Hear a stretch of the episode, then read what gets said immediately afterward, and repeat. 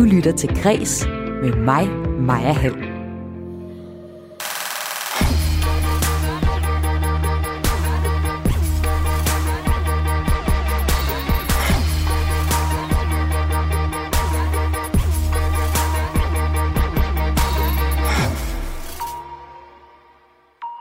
Vanvittig masse psykose.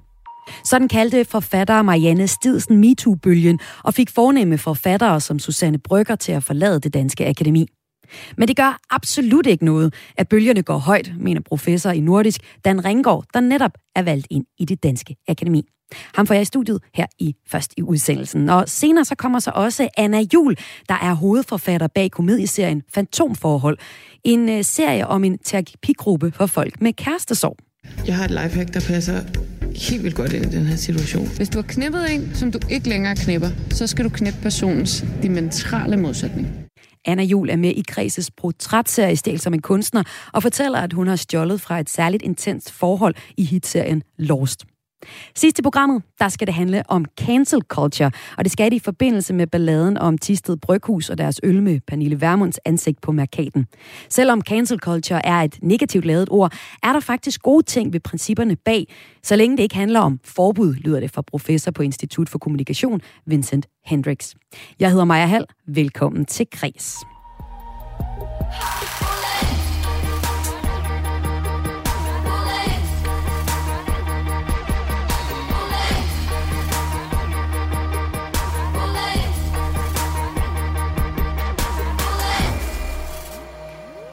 Fine priser og fornemme snakke. Indtil for nylig har medlemmerne i det danske akademi langt hen ad vejen passet sig selv på Karen Blikstens kunstnerhjem Rungsted Lund. Men bølgerne er gået anderledes højt i den stolte litterære institution, siden lektor i nordisk litteratur og medlem af akademiet Marianne Stidsen gik i clinch med MeToo-bølgen ved blandt andet at kalde bevægelsen for en vanvittig massepsykose. Det fik fire forfattere her blandt Susanne Brygger til i praksis at forlade akademiet, og yderligere flere til at anmode om, at Stidsen skulle trække sig. Det gjorde hun ikke. Og nu er der så friske kræfter i akademiet. Og de kræfter, de er læmeliggjort af dig, Dan Ringgaard. Velkommen til. Tak skal du have. Du er forfatter og professor i nordisk sprog og litteratur på Aarhus Universitet. Og du er altså ikke bange for den store stykke Marianne Stidsen. Hvorfor ikke? Altså sidst jeg så hende, var hun hverken særlig stor eller særlig styk. så jeg tror ikke, der er nogen grund til at være bange for hende. Det, det handler vel alt sammen om, at akademiet altid har været øhm, et sted, hvor meninger har, har kunnet brydes. Og, og, og det har det jo gjort på Rungsted Lund, hvor det bliver holdt de her møder, og de fornemme priser også bliver uddelt. Men de, er, de her diskussioner er jo i den grad øh, kommet ud i debatspalterne, og det er særligt sket efter Marianne Stidsen har taget bladet for mundet og skrevet nogle debatindlæg, som nogen har syntes var ekstremt kontroversielle, og hun bliver kaldt en kontroversiel skikkelse i det litterære kredse. Øhm, der er også senest har fået nogle plagiat, altså Marianne Sidsen har fået nogle plagiatsager i nakken på grund af hendes seneste bog om sagen, den nordiske MeToo-revolution fra 2018 og dens omkostninger, som navnet på bogen er. Men du er ikke bange for at være på hold med Marianne Stidsen, trods hun er så øh, markant en skikkelse at nogen, man ikke har lyst til at være en del af det danske akademi. Hvorfor ikke? Altså, jeg tror, øh, det danske akademi er jo et sted, hvor man laver nogle bestemte ting, nogle af dem der, du, du redegjorde for lige før, ikke? som vi sikkert kommer tilbage til. Men det er jo også et sted, hvor medlemmerne har lov til at ytre sig offentligt om, hvad fanden de vil, så længe de ikke taler på akademiets vegne. Og det er der jo så øh, nogen, der mener, at Marianne, hun har gjort. Ja, og det tør jeg ikke sige, om hun har, fordi jeg er lige, jeg lige væltet ind i akademiet, og så, så nøje har jeg ikke fulgt med, og jeg kender det jo heller ikke indenfra af gode grunde endnu, så, så det ved jeg ikke, om hun har. Mener du, øh, modsat for eksempel Susanne Brygger med flere, at hun er en god repræsentant for det danske akademi? Igen, hun repræsenterer jo ikke det danske akademi, når hun, når hun er i offentligheden. Så, øh, så det, det giver jo ikke rigtig mening at, at udtale sig om. Øh, samtidig så, altså hvad angår den der sag om plagiat, du nævnte, så har den jo ikke noget med akademiet at gøre. Der, der er der jo institutioner inden for universitetet og forskningsverdenen, som tager sig af den slags, hvis det er nødvendigt. Men det gør måske, at hun er en mindre troværdig kilde. Det er nok derfor, jeg nævner den. I, i, i hvilken forstand? Altså, hvis plagiatsagen har noget på sig, så kan der være måske noget omkring hendes troværdighed, som det er jo derfor, den bliver bragt op, i hvert fald i, i de her sammenhænge. Ja, men det er jo ikke til at spekulere om endnu. Altså, så skal jeg jo have læst hendes bog, Helt og så skulle hun have været igennem en eller anden form for undersøgelse. Der skulle være nogen, der overhovedet mente, at det var nødvendigt at, at lave sådan en undersøgelse, så skulle hun have været igennem det. Og så kan vi snakke om det igen måske. Kan du forstå, at der er nogen, der har valgt at trække sig fra det, det danske akademi? Det, det er enormt svært for mig at sige. Altså igen, når jeg ikke kender det indfra. Jeg ved jo ikke, hvor højt bølgen er gået. Øh, men jeg synes jo, folk har ret til, hvis de synes, det bliver for meget på en eller anden måde, at de ikke kan være der længere, så er de jo i deres gode ret til at tage deres gode tøj og, og gå. Jeg synes, det er enormt ærgerligt, for det var rigtig dygtige øh, folk og forfattere, som, som øh, forsvandt, og folk, der var vigtige for, for akademiet. Men, men det er jo så det er jo gået, som det er gået. Hvad skal der til for, at øh, du ikke vil være med i øh, et akademi? Altså, hvor højt skal bølgerne gå? Det har jeg ikke tænkt over. Jeg, har ikke, jeg tror ikke, jeg har fantasi til at forestille mig, Men du virker som en hvor, hvor højt, menneske. hvor højt ja. de, de bølger ja. så vil være. Ja. Men der er der givetvis grænser for, for alle. Det tror jeg da.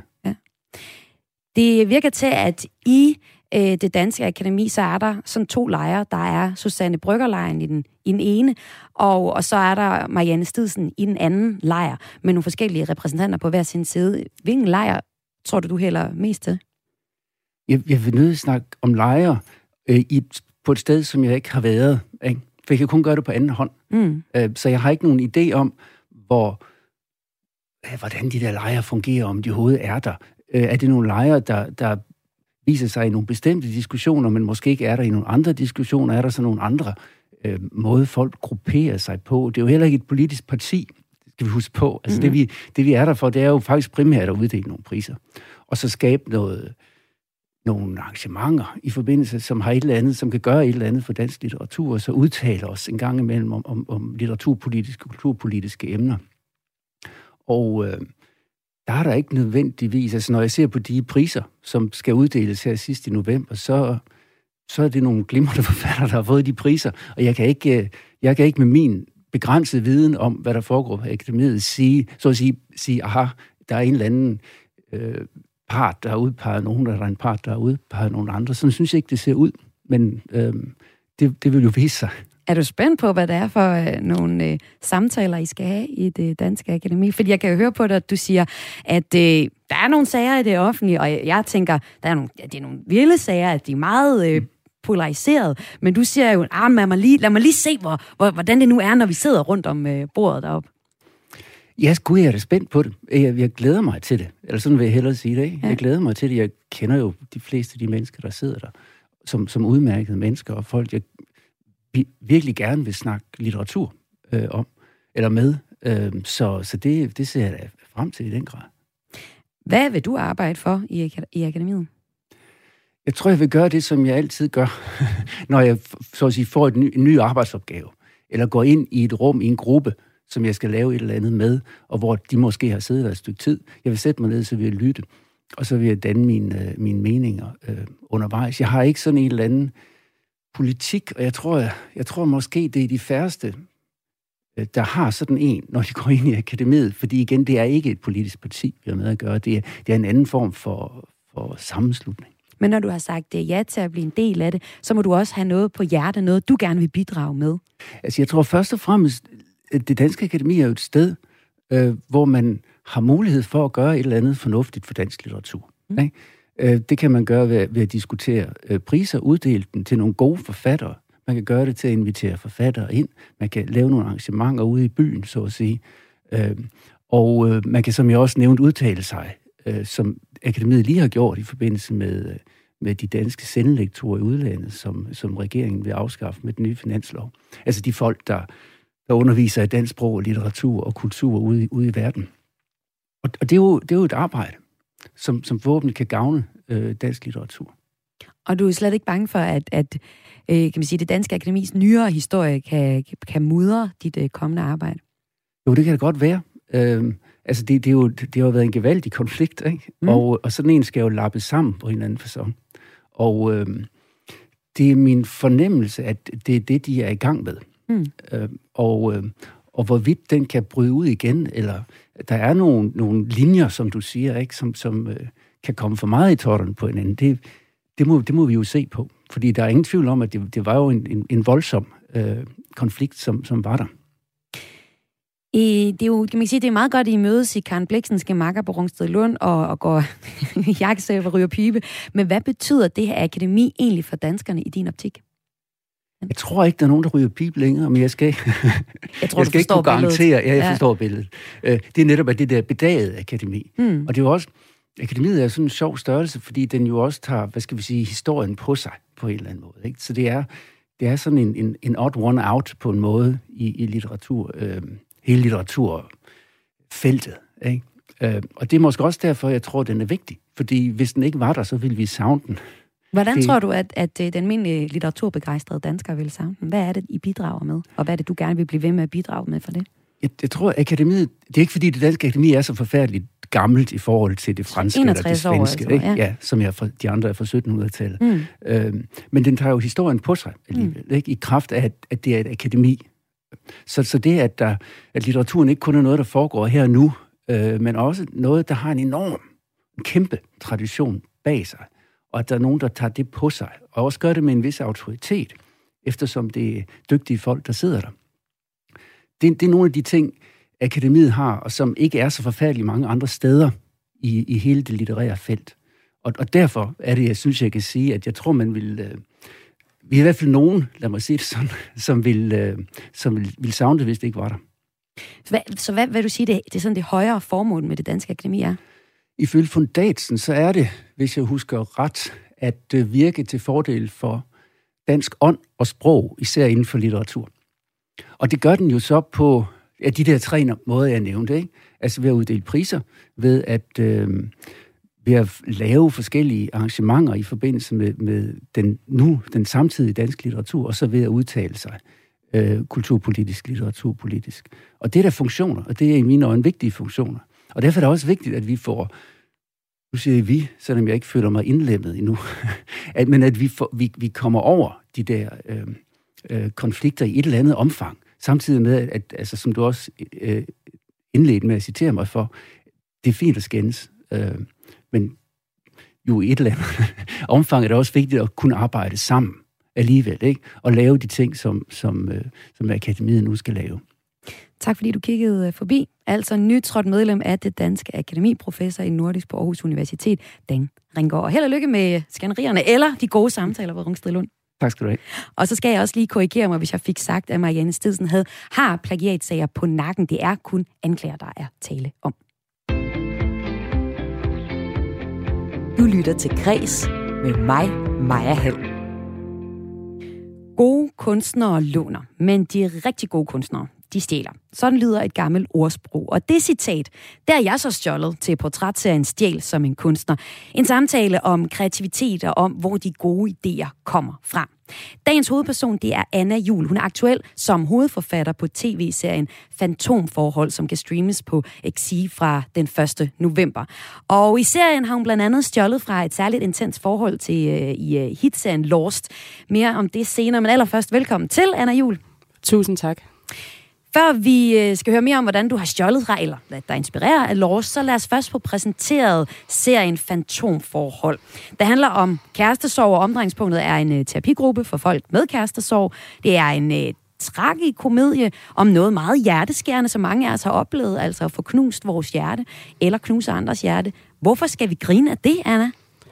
Jamen, altså, øhm, jeg vil heller ikke gå ind og sige, at man skal grine Ej, der er lagt nogle gode punchlines Men ind, øh, jeg sige. Nu har jeg det er jeg glad for, du synes. Altså, det synes jeg jo, man skal. Nu, jeg tror bare, at, at, at det, man jo siger om komedie, det er tragedie plus tid. Hvilket mm. også vil sige, at tragikomedien er per definition retrospektiv. Altså, komedien i tragikomikken er retrospektiv. Altså, når man er i situationen med at få knust sit hjerte, eller alle mulige andre tragiske situationer, man kan være i som menneske, er det ikke særlig sjovt, og let's just face it. Men hvis man nogle gange bare har helikopterblikket og kigger tilbage på sig selv, altså jeg har med gjort mange mærkelige ting, når jeg har haft kærestesover, som har været dybt tragiske, men også morsomme. Når du kigger tilbage, så er det... Ja, ja har, har du et eksempel på det? jamen altså bare sådan den der, altså der er jo noget med at være så ynkelig, Altså at bare ligge på sit stuegulv, ikke engang gider at kravle op i en sofa, fordi man bare er sådan, åh, det her stuegulv minder mig om min ekskæreste. øhm, hvor man er sådan, så kravl dig op i den sofa, din idiot. Ikke? Altså du ligger bedre, og det er sådan, det, du ved, selvmedlidenhed, man dyrker den. Fordi i hvert fald det, jeg har oplevet, når jeg har haft kærestesorg, er, at det, sådan, det er en sovform, man kan snakke med ret mange om, fordi vi ligesom har et fælles sprog for det, at nogen går fra hinanden, så man kan som regel altid få et godt råd af en ven eller en veninde eller whatever.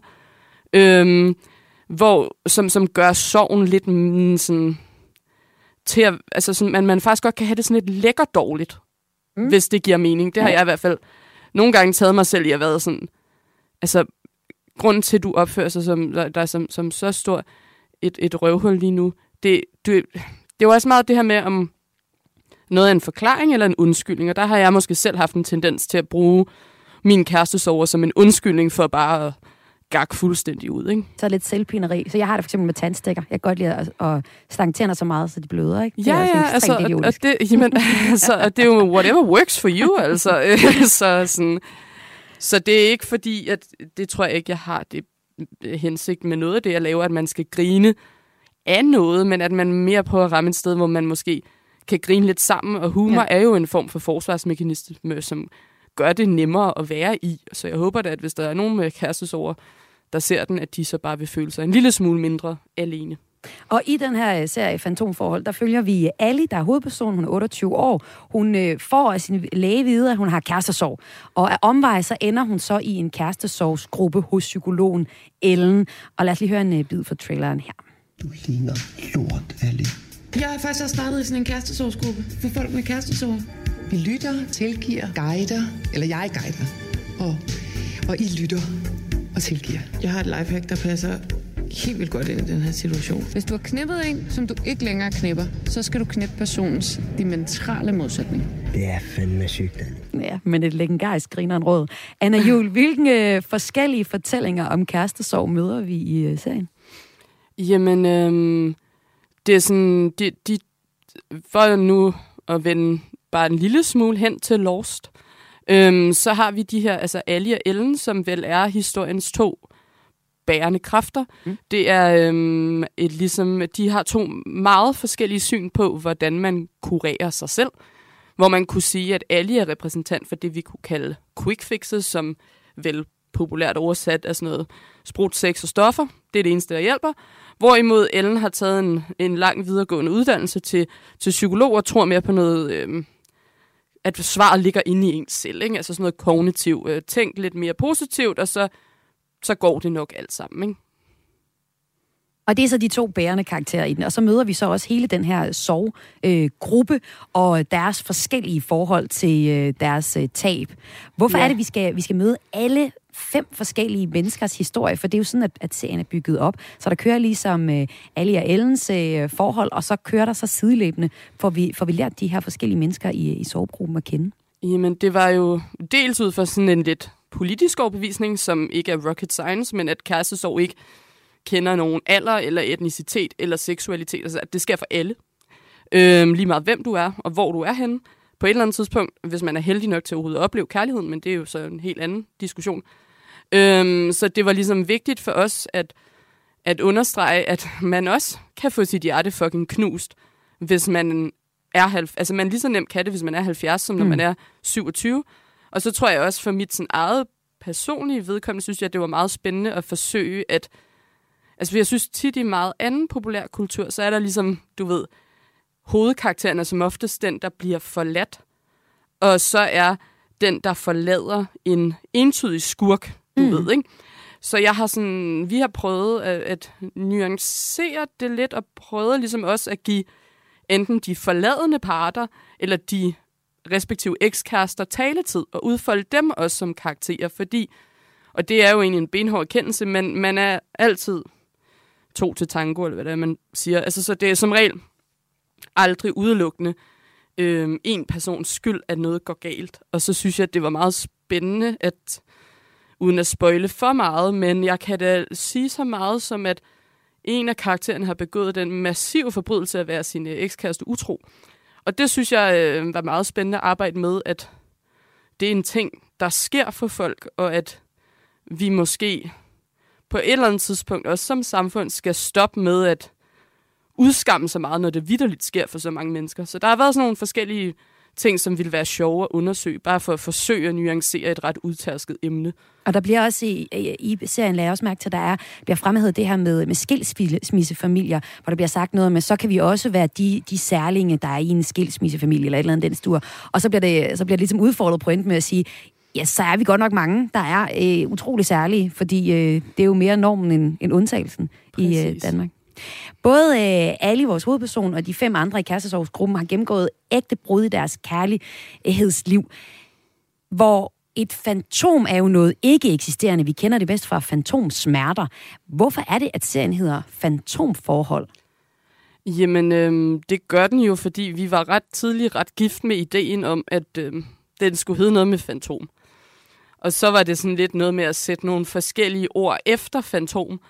Øhm, fordi at det her med fantomsmerter, altså jeg tror, det der de alle, alle kærestesovgruppens medlemmer har til fælles, er, at de på en eller anden måde, deres krop føler stadigvæk, at de er i deres respektive forhold. De har ikke givet slip. Så de er ligesom, altså lidt ligesom, hvis, som man jo siger om fantomsmerter, hvis man får kappet et ben af, så gør det stadigvæk ondt.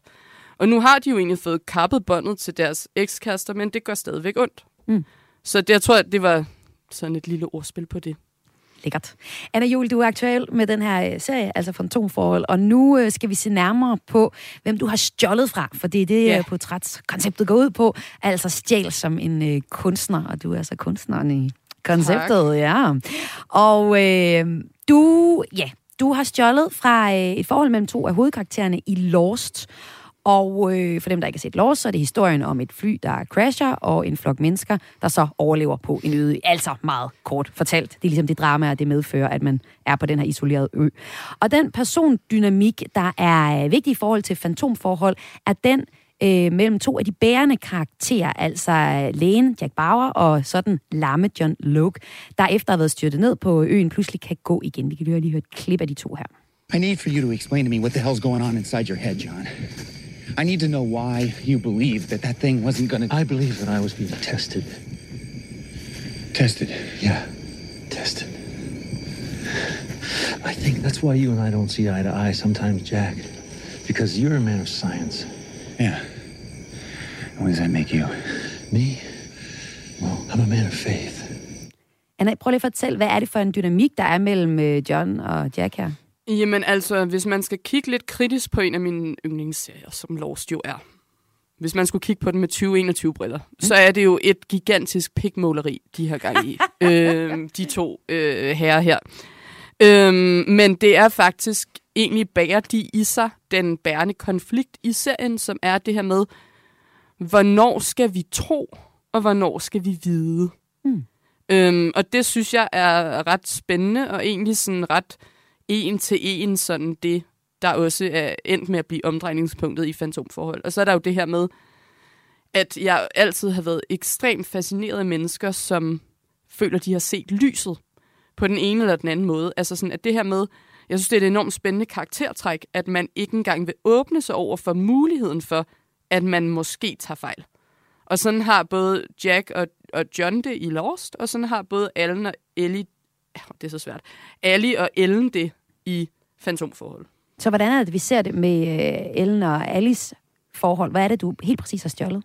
Jamen, øh, basically, øh, den her samtale har jeg jo faktisk stjålet. Altså, ja. de har den på et tidspunkt, hvor de bare snakker om quick fixes og long fixes, i stedet for Ali og Ellen, som jo øh, er sådan det, lidt det samme som at diskutere, om man er en man of science eller en man of faith. Mm. Og hvis man så skulle sådan altså, øh, så er Ali jo en woman of fucking, og øh, Ellen er en woman of fixing på en eller anden måde, eller sådan believing. Altså, så det er sådan lidt, altså, så det er sådan Clash of the Titans på en eller anden måde. Jeg har prøvet at lave en, en fortælling om i sådan et langt mindre målestok, end at noget så dramatisk sker, som at en gruppe mennesker skal overleve på en, på en øde hvor der i øvrigt er sygt mange isbjørne og alt muligt andet underligt.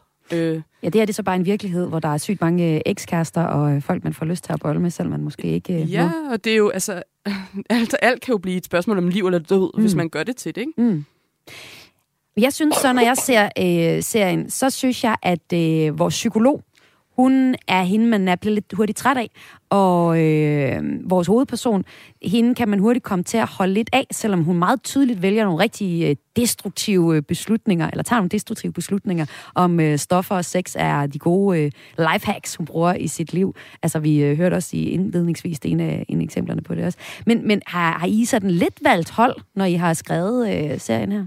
Nej, altså det der jo... Altså, Øh jeg tror, både for mig og Rikke, så er den jo bygget på en del personlige erfaringer, uden at man skal gå alt for meget i detaljer om det. Altså for eksempel kan jeg sige, at åbningsscenen med lægen, hvor hun får at vide, at hun er kærestesover, og han efterfølgende krammer hende og siger, at hun bare skal gå ud og få noget lys tilbage i sine smukke øjne, har jeg en til en oplevet øh, på egen krop i det lægehus, der nu lige er blevet øh, lukket ude i Charlottenlund. Men det er en helt anden historie. Så man tager jo bare, altså... Så jeg tror, der er sikkert noget med, at mig og Rikke har været så tilpas meget i terapi i vores liv, at vi ligesom sådan er blevet sådan lidt, ja, men altså, det tager sat med lang tid, hvis man skal tænke sig til alting, og så er det andet bare nemmere. Men det, jeg også synes, vi har kæmpet ret hårdt for, er ligesom også at give, altså, det der jo sker i serien, er, at Ellen, psykologen, får ligesom sit eget hele afsnit, hvor hun får lov til at prøve noget på egen krop, som ligesom gør, at hendes verdensbillede også på en eller anden måde styrter sammen. Og der synes jeg i hvert fald, det vi har forsøgt på i den, det er at nuancere hende som karakter.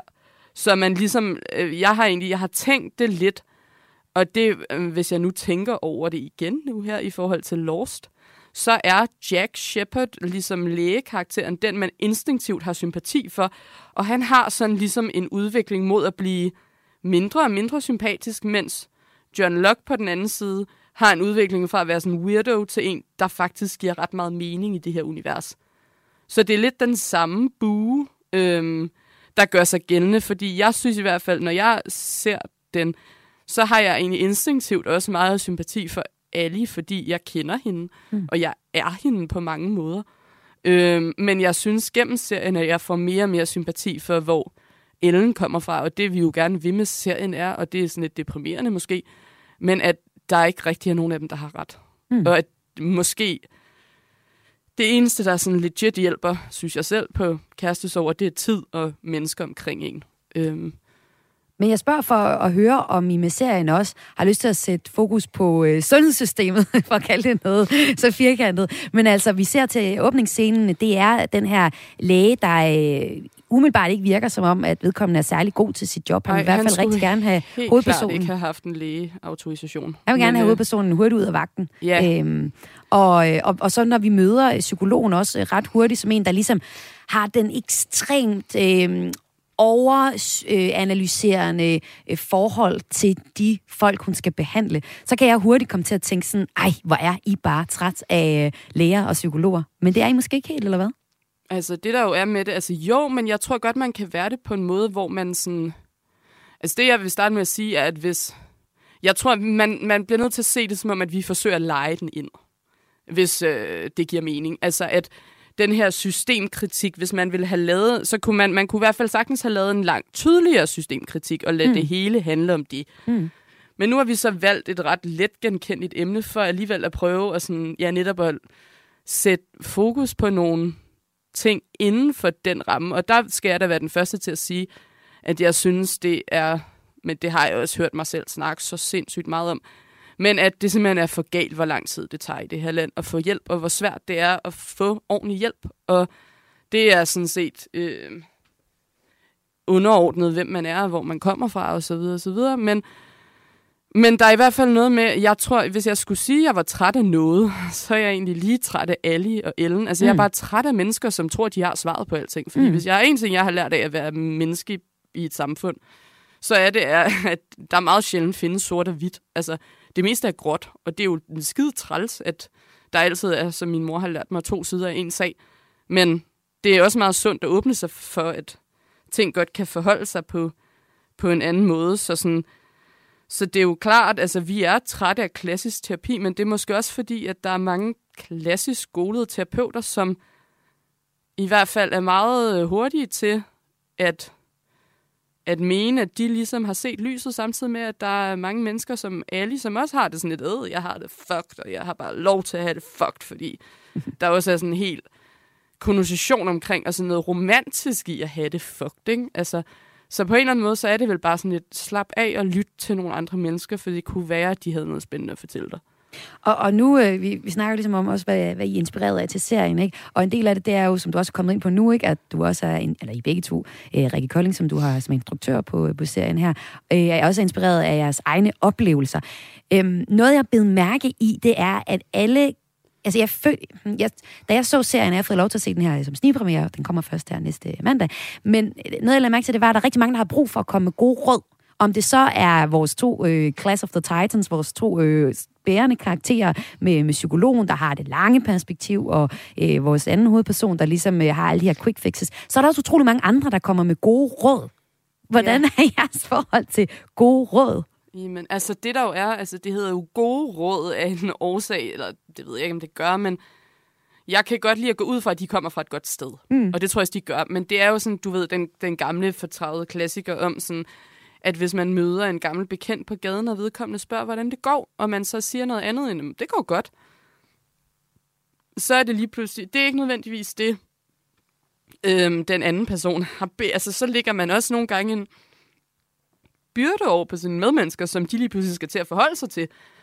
Og fordi vi bare generelt er kodet til at have et enormt svært ved at acceptere, at folk har det andet end godt, hvad det så end er, så tror jeg, at vi føler os meget kaldet til at komme med gode råd, og det er nok ekstra slemt med kærestesorg, fordi mm. alle har en personlig mm. historie. Mm. Altså sådan selv, jeg kunne, når jeg er blevet forladt, eller har forladt nogen, jeg kunne spørge min farmor, så vil hun kunne sige, jamen dengang jeg var ung, altså så, så, så skete der noget, eller det her, eller hun vil også kunne komme med råd, selvom hun er 93, ikke? Eller hun vil føle, hun kunne komme med et råd, selvom ting har ændret sig meget, så sådan, men du mener, at det grundlæggende kommer fra et godt sted, og altså på den måde, at, at mennesker vil i, i grundlæggende hinanden noget godt, Anna? Ja, altså, ja, det tror jeg, men man kan jo sagtens gå ud i sådan en stor eksistentiel diskussion, fordi man kunne jo sagtens sige sådan noget med, at så længe man ikke vil anerkende, at folk kan have det andet end godt, så vil man dem det heller ikke grundlæggende godt, fordi der ligger også en enorm stor fred i at få lov til at have det svært at blive anerkendt af nogen som værende, ja, jeg kan godt forstå, at dit liv er lort lige nu. Lad os snakke lidt om det. Øhm, men det er bare, altså, det, det er jo det er bare en svær situation for alle parter, så det er derfor, at det er måske også noget, jeg har lært fra min mor, at jeg, jeg, jeg tager den andens parti tit, altså, og jeg, guderne skal da vide, at man selv har fået øh, utrolig mange råd i sit liv, som var sådan uncalled for. Øhm, men, men jeg vælger ligesom at tro på, at det er fordi, at dem, der siger det, gør det, fordi det er nemmest.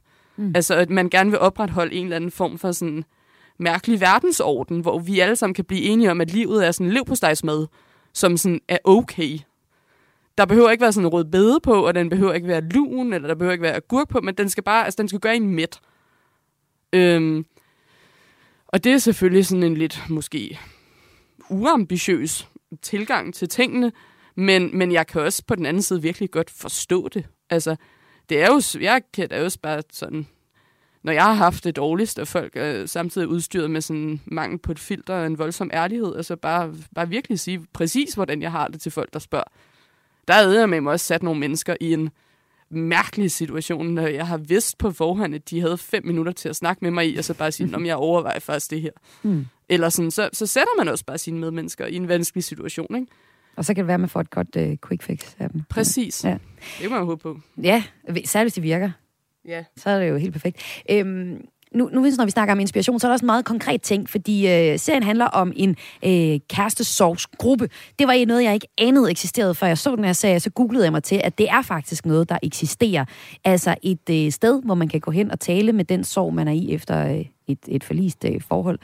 Øhm, hvordan har du været... Altså, hvor, hvor tidligt kom den her kærestesorgsgruppe ind i, i processen og arbejdet med, med, med serien øh, Fantomforhold? Hvornår vidste I, at det var en, en sovgruppe, der skulle være omdrejningspunktet? Og, og ikke en hvilken som helst, men en kærestesorgsgruppe?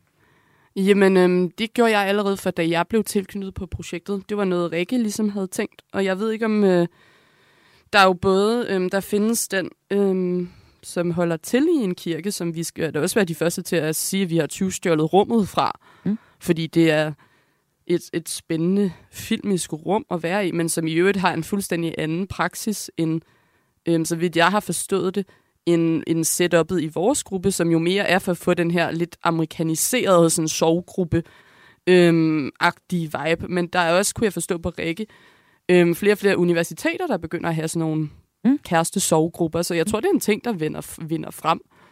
Øhm, så det var dels sådan et ret... Øhm, altså, jeg tror, vi vidste ret hurtigt, at vi gerne ville have den her, som også er lidt apropos, øhm, eller det er sådan en meget anden fortællende måde end i Lost, men i Lost er det jo ligesom også en, øhm, en karakter, der er i fokus per afsnit, som man så ligesom forsøger at udvikle og give dem deres egen lille fortælling. Øhm, så vi vidste ret tidligt, at vi havde brug for en arena, der kunne samle nogle øhm, forskellige eksistenser. Og det havde mm, mm, været en meget anden serie, hvis man ikke havde haft det her fysiske sted, hvor de kunne mødes. Hvis det bare havde været sådan, nu følger vi lige den her person det her sted, som vi jo aldrig ser igen. Altså, så bliver det jo mere sådan en antologi Black Mirror-agtig serie, som også er nice, men jeg tror bare ikke, det var det, vi ville på en eller anden måde. Men, men hvad har det haft af betydning for jer, at I har puttet kærestesovsgruppen ind i en kirke? Hvorfor har I valgt det rum? Du siger, det er sådan en amerikansk ting. Hvordan det? Jamen altså, dels var det jo fordi, det var en faktisk ting, at det fandtes en dansk kærestesovgruppe, der mødtes i en kirke. Og det er jo fordi, kærlighed er jo på en eller anden måde, og det, nu skal det ikke lyde alt for sådan hokus pokus spirituelt, men det er måske en af de få ting, apropos Man of Science, Man of Faith-diskussionen, øhm, en af de, de få ting, vi ikke rigtig kan sætte en finger på. Mm. Altså sådan, der er noget sådan lidt højere magtagtigt over det. Og der må man jo bare, ateist som man er, eller whatever man nu kalder sig selv, så er der bare en særlig vibe, når man går ind i et kirkerum. Også fordi, at jeg synes, der er noget enormt dejligt over, at du ved, reclaime det rum. Altså for mig var det sådan super specielt. Vi fik taget nogle pressebilleder ind i den kirke, det gik bare op for mig. Jeg har aldrig været til en kirke, eller i en kirke, hvis ikke det var for at, at gå til bryllup eller begravelser. Mm. Og sådan, bare det her med, jeg synes, det er ret genialt, at man bruger det her meget, meget smukke rum, som en kirke som oftest er, til at diskutere nogle af livets vigtige spørgsmål på en eller anden måde. Anna Jule, afslutningsvis, så kunne jeg godt tænke mig at lige komme øh, lidt ind på en, en anden øh, vigtig faktor øh, i forhold til arbejdet med øh, serien her, Fantomforhold, fordi du også selv med i serien. Ja. Udover at være hovedforfatter på serien, så er du også skuespiller i den. Du spiller Agathe, øh, vores hovedperson, Alice lidt øh, specielle roomie, øh, som på en måde også gennemgår et øh, brud parallelt med Ali og sovgruppen og, og de ja. venner deri. Hvordan endte du med selv at komme med ind i serien i jeres arbejdsproces med den? Jamen, det var simpelthen fordi, at øh, jeg kunne utrolig godt tænke mig at spille mere skuespil. Jeg synes, det er rigtig sjovt. Øh, men så længe der ikke er nogen andre, der kaster mig, så bliver jeg nødt til at skrive rollerne selv. ja. Øhm, så det sagde jeg til Rikke en dag, mm. som maskerede som en joke. Hvor jeg var sådan, jamen jeg skal jo også have en rolle i den, og så grinede hun bare lidt, når jeg har. Og så da hun læste det næste udkast af manuskriptet, så var en karakter lige pludselig blevet til en kvinde, og var blevet bemærkelsesværdigt tæt på min alder, mm. og var blevet bemærkelsesværdigt, kom meget mere med i, i serien, end det egentlig var tiltænkt. Øhm, så, så det er jo bare altså sådan helt øh, kapitalistisk mersalgsting, altså sådan, hvor jeg bare forsøger at få lov til at lave noget, jeg synes, der er sjovt. Og, og hvordan har det så været at arbejde sig selv ind som karakter, ind ved et manus, man også er i gang med at skrive, altså hvor man er i gang med at udvikle de her karakterer, som øh, de hver øh, afsnit handler om? Jamen, jeg tror i hvert fald, jeg, jeg endte med, at sådan, det er meget spændende, fordi det her er faktisk det første, jeg har lavet, hvor jeg har elsket alle mine karakterer på en eller anden måde. Altså, jeg plejer som min lærer ude på filmskolen altid sagde til mig, at jeg havde en tendens til at holde øh, karakterer ud i strakt arm, og de sådan godt meget kan blive sådan funktioner frem for mennesker på en eller anden måde. Ikke? Mm. Øhm, og det har været ret spændende, altså sådan selv en, som er så sådan weird og utilgængelig, som Agathe-karakteren er, ligesom også at give hende en, en krop, og så finde ud af sådan, Altså sådan, og så, så tror jeg også bare, at der, der er jo en klart en fordel ved at kende sine egne begrænsninger som skuespiller, som gør, at jeg jo egentlig ved at skrive rollerne selv kan skræddersy ret meget sådan, hvad jeg tror, jeg kan formå at gøre, øhm, så det bliver bedst muligt på en eller anden måde. Men har det været en udfordring at skulle skrive de her karakterer, samtidig med at du også selv skulle øh, finde din egen persona? Nej, jeg tror, mig, mig og Rikke kiggede ligesom hinanden i øjnene og var sådan, nu skriver vi Agathe, fordi Agathe er en sjov karakter. Mm. Hvis det viser sig på et tidspunkt, at der er en eller anden skuespillere ude i det ganske danske land, som vil kunne gøre det bedre end mig, mm. øhm, så er det selvfølgelig vedkommende, det bliver, fordi man er nødt til at sige projektet først. Men det der med, at bare fordi jeg måske ikke lige ligner sådan rent fysisk, og ikke har den samme baggrund som de fleste skuespillere, så nægter jeg simpelthen at acceptere, at jeg ikke skal kunne blive det. Så, så jeg har jo bare sådan, du ved, taget en lidt anden vej ind, og, og er i hvert fald begyndt at insistere på, at når jeg skriver ting, så vil jeg også gerne i hvert fald til casting på nogle af en af rollerne, hvis jeg synes, det giver mening, og hvis jeg føler, at jeg kan til, eller bringe noget til den rolle. Så Anna Jul, det næste, vi ser for dig, og nu ved jeg godt, nu skal jeg fantomforhold selvfølgelig lige få lov at have premiere allerførst. Ja, men jeg er allerede langt videre. men, men du er langt videre. Så, så det næste, vi ser for dig, er det så øh, mere af dig i øh, hovedrollen. Nu har vi også øh, set dig i øh, øh projektet Min Kamp på DR3, hvor vi følte dit alter ego, Veronica Katinka, der kæmpede for at blive kendt. Altså, kommer vi til at se, øh, se mere af dig i hovedrollen, hvis der står til dig? Eller, det håber jeg. jeg. Altså, ja. det, er jo, det skal både stå til mig, men det skal også stå til nogle andre mennesker. Ja. Øhm, men jeg kan i hvert fald sige, at jeg prøver at forny mig selv, og prøve at komme ud i nogle afkroge af det menneskelige sind. Altså i alle de karakterer, jeg spiller. Jeg ved nok godt, at jeg ikke... Jeg bliver nok aldrig første elskeren på film, men jeg kan som minimum være sådan lidt underlig bikarakter. Så øhm, det, det tror jeg, jeg vil satse på at slå et slag for, at, øh, at det kunne jeg godt tænke mig. Så nu er det her med også, nu er det også sagt her. Så folk kan bare ringe, hvis de har en eller anden... Øh... Og ikke første elsker, for det er ikke lige dig, eller hvad? Jo, det vil jeg da vildt gerne, men der tror jeg også, man skal være realist nogle gange. Okay. Og, øhm, og der er bare... Jeg er ikke så charmerende, altså. Der, der skal man bare kende sine egne begrænsninger. Så. Anna du, tak fordi du var med her. Dansk forfatter, skuespiller, digter og realist. Ja, ja, tak. og altså også hovedforfatter på den nye serie Fantomforhold, der kører på sige fra næste mandag. Og gæst her i øh, portrætprogrammet Stjæl som en kunstner, hvor Anna kunne fortælle om, hvordan hun har stjålet lidt fra hendes favoritserie Lost til øh, de karakterer, der er i øh, Fantomforhold. Du lytter til Græs med mig, Maja Hall. Og her, det sidste, vi skal gøre på Græs i dag, det er at se nærmere på cancel culture. Fordi først bukkede Tisted Bryghus under efter en venstreorienteret shitstorm, hvor folk kritiserede dem for at producere øl med Nyborgerliges formand Pernille Vermund på mærket. Altså fordi Nyborgerlige havde bedt om at få produceret de her øl. De ville ikke længere sælge øl til politiske kunder, fordi man kritiserede dem for at have gjort det. Men så skete der en udvikling i sagen, fordi så bukkede Bryghuset under for en højreorienteret shitstorm, der gik ud på, at øh, man altså ikke kunne stoppe med at lave politiske øl, bare fordi, at der var nogen, der synes det var ufedt, at der blev lavet en øl med Pernille Vermund på.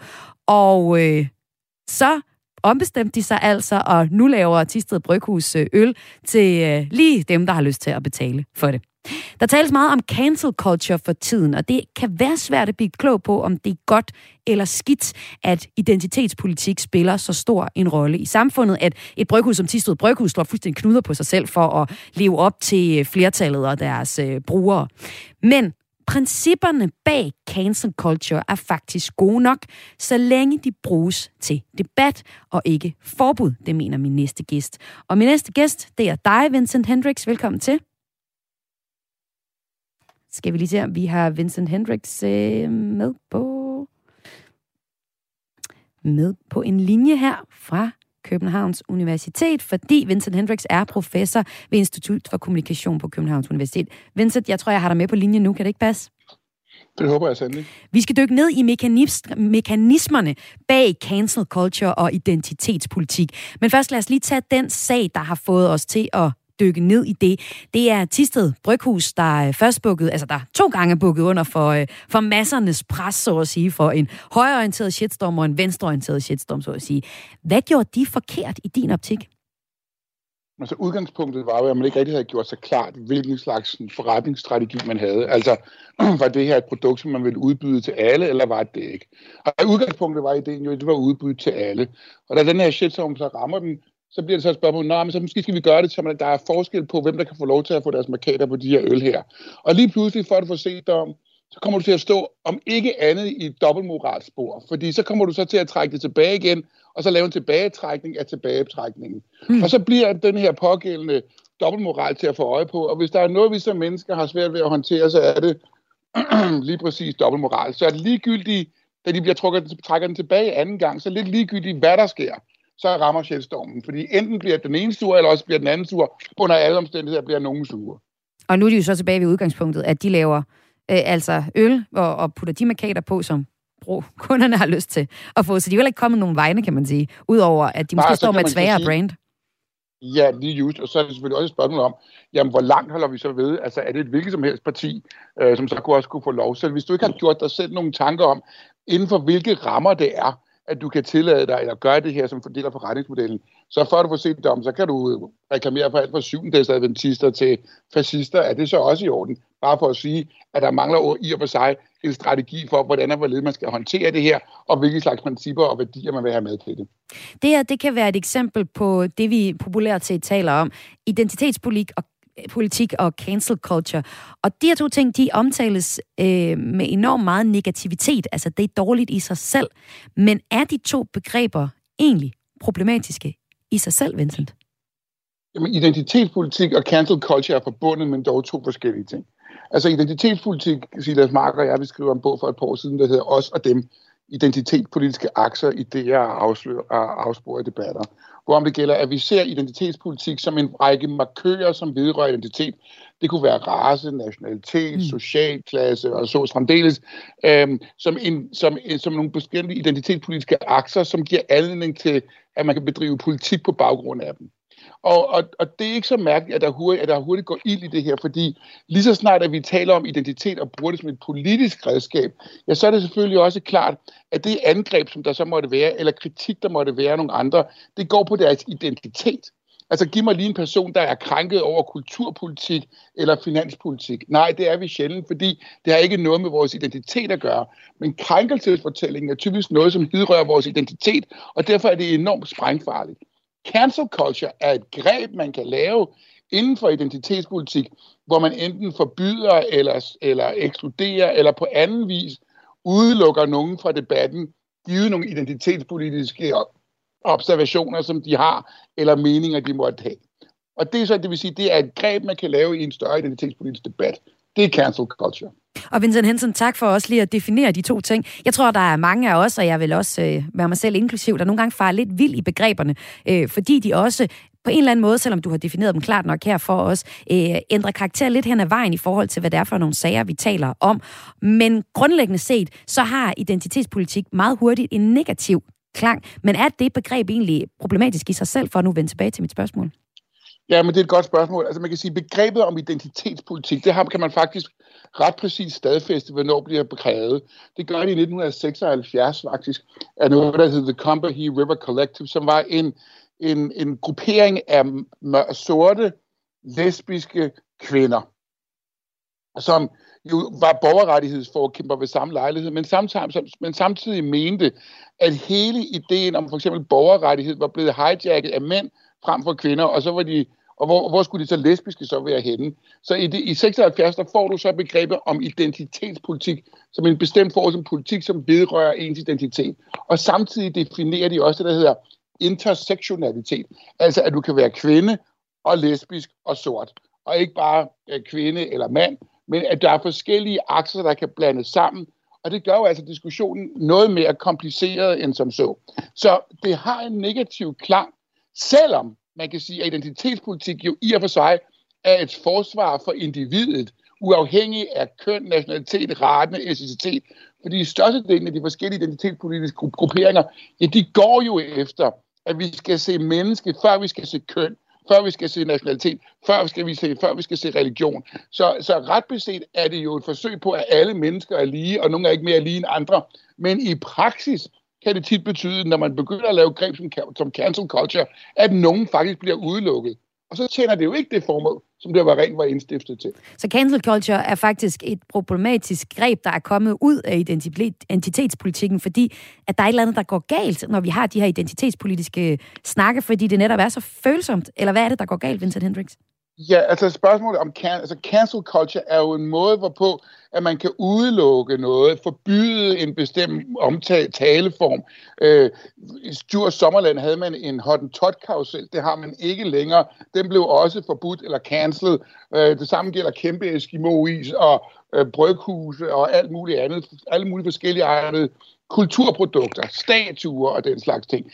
Det er jo en måde at forbyde dem på, eller at cancellere dem, annullere dem på. Så det, det er et greb, man kan lave. Og grund til, at man gør det, som du rigtig nok håndterer, det er, at det for nogen kan være relativt følsomt. For eksempel, øh, hvad vil jeg, det kunne være generaler på, øh, øh sydstatsgeneraler på pladser i USA, som minder amerikanerne om en tid, hvor om det galt, at der var slaveri i USA. Øh, og at man havde en racemæssig forskel, som virkelig var til at tage og føle på. Så blot for at sige, at ja, fordi det er sådan nogle følsomme temaer, fordi identitet ligger os så tæt, så er der ikke langt til cancel culture. Men det er ikke ensbetydende med, at det så er mere inkluderende, fordi det kan betyde, at du bare kommer til at udelukke nogle andre. Og derfor er det en vanvittig hård, fin balance at, at bruge identitetspolitik, eller at bevæge sig i det identitetspolitiske felt. Og øh, lad mig lige nævne nogle eksempler. Du, du skød lidt med et par, et par løse eksempler her. Jeg har fire eksempler på cancel culture fra det seneste år, og der er to øh, gange sur højrefløj og to gange sur venstrefløj, sådan lidt firkantet sagt. Øh, vi har i starten af året Vaniljemanden fra Tørslef, altså virksomheden her, hvor de sagde slut med den sorte vaniljemand, og her blev højrefløjen så sur over, fordi de ændrede illustrationen og sagde, at det var et knæfald for minoriteten, minoriteterne. Senest har vi så også haft øh, også en sur højrefløj, der har været sur over kødfri Northside, altså festivalen i Aarhus, der har besluttet sig for at være total kødfri. Det mente man var problematisk. Hvis man for eksempel havde øh, øh, øh, billetter til øh, festivalen, så kunne man jo øh, ikke, altså stod man lige pludselig og var en, var en del af også en kødfri festival. Så er der den sure venstrefløj, der har vi den her nyborgerlige øl fra Tisted Bryghus, og som en øh, lytter også venligt øh, siger, skriver til mig, det er Brian. Jeg glemmer en væsentlig ting omkring øh, Tisted Bryghus. De har øh, før både haft SF og Socialdemokraterne på øh, på en etiket inden nye borgerlige, og det er ligesom der, at, at det, problematikken er kommet, fordi man så har sagt, at det er problematisk, når det var øh, Pernille Vermund fra Nye Borgerlige, og det har ikke været problematisk tidligere, da det, det har været SF og Socialdemokratiet. Seneste, øh, eller sidste eksempel på en sur venstrefløj, det er den amerikanske stjernekomiker Dave Chappelle, der skabte vrede i transmiljøet, fordi øh, han, havde, han kom med nogle, øh, nogle, der var nogle pointer i, øh, i hans øh, seneste show, The Closer, der premiere den 4, 5. oktober, som øh, man synes var problematisk. For eksempel så var der Netflix-medarbejdere, der udvandrede, og chefen, øh, chefer, der undskylder. Lige her til sidst, Vincent Henrik, de her seneste eksempler, hvad kendetegner dem? De kendetegnes derved, at identitetspolitik er ikke venstredrejet eller højredrejet. Det er en bestemt måde at bedrive politik på i lyset af identitet. Og det er ret vigtigt at huske på undervejs, fordi tit og ofte kan det, blive, kan det virke som om, at det er en bestemt politisk retning, der har en bestemt observans, typisk rød eller blå, øh, eller et eller andet sted derinde imellem. Men det er mere en strukturel måde at argumentere fra politik på. Og i tider, hvor om det gælder, at vores polarisering i øvrigt er stor, så er det sådan, at identitetspolitik er fantastisk at splitte mennesker med. Og det er ikke noget altid vist, altid vanvittigt befordrende for den demokratiske samtale. Men skal vi ikke blive ved med at diskutere de her ting?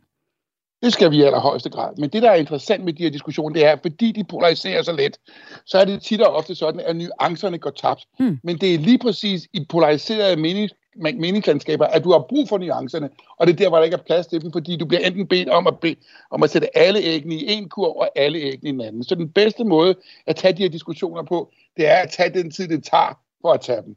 Altså, hvad mener du, vi burde, vi burde gøre fremadrettet? Det, jeg mener med, det er, det, jeg mener med dybest set, det er, at det interessante er jo ikke, om du og jeg er enige om det ene eller det andet. Det mm. interessante er, hvis vi er uenige, hvad er så præmisserne for den uenighed, som vi har? Det er jo let nok at finde ud af, at vi kunne være enige eller uenige om det der. Det er bare ikke interessant. Det oplysning ligger i, hvor i uenigheden består. Hvad er præmisserne for argumentet? Men det betyder, at du skal folde argumenter ud, du skal lytte på alle de udsagn, du ikke gider at høre på, mm. og ikke finde sympati for, for at så danne dig en kvalificeret mening til sidst. Og det gælder begge veje rundt. Og det betyder bare, at være uenig på en oplysende måde er et ret stor samarbejdsaftale, du stiltigende indgår. Og hvis du ikke vælger at indgå den samarbejdsaftale, så bliver polariseringen bare større. Og det er ikke nødvendigvis behjælpeligt for, at mennesker kan forstå hinanden, uafhængig af køn, race, nationalitet og så fremdeles. Tak fordi du var med her, Vincent Hendricks. Tak fordi jeg måtte altså professor ved Institut for Kommunikation ved Københavns Universitet, og med til at sætte nogle øh, ord på identitetspolitik i forbindelse med den aktuelle sag her med øh, Tisted Bryghus, som først lå under for en venstreorienteret shitstorm og senere en højreorienteret shitstorm, men som Vincent Hendricks altså øh, klargjorde for os her, så er det ikke fordi, at identitetspolitik eller cancel culture enten er højre eller venstreorienteret. Det øh, handler i bund og grund om, at vi skal huske at lytte til det hele argument. Og så har vi jo så altså en opgave til resten af dagen at huske at lade os udfordre af nogle argumenter, vi ikke nødvendigvis på forhånd tænker, vi er enige i. Du lyttet til Kreds her på Radio 4. Mit navn er Maja Hall. Jeg har været din vært. Programmet har været tilrettelagt af Tjelle Vejrup, Isa Samuelsen og Mathias Wissing. Kreds er tilbage igen i morgen. Indtil da, så kan du finde os på podcasten, og du kan altid sende os en mail til kreds radio4.dk, hvis du har et tip til os, og det er kraes radio4.dk. Nu er der nyheder.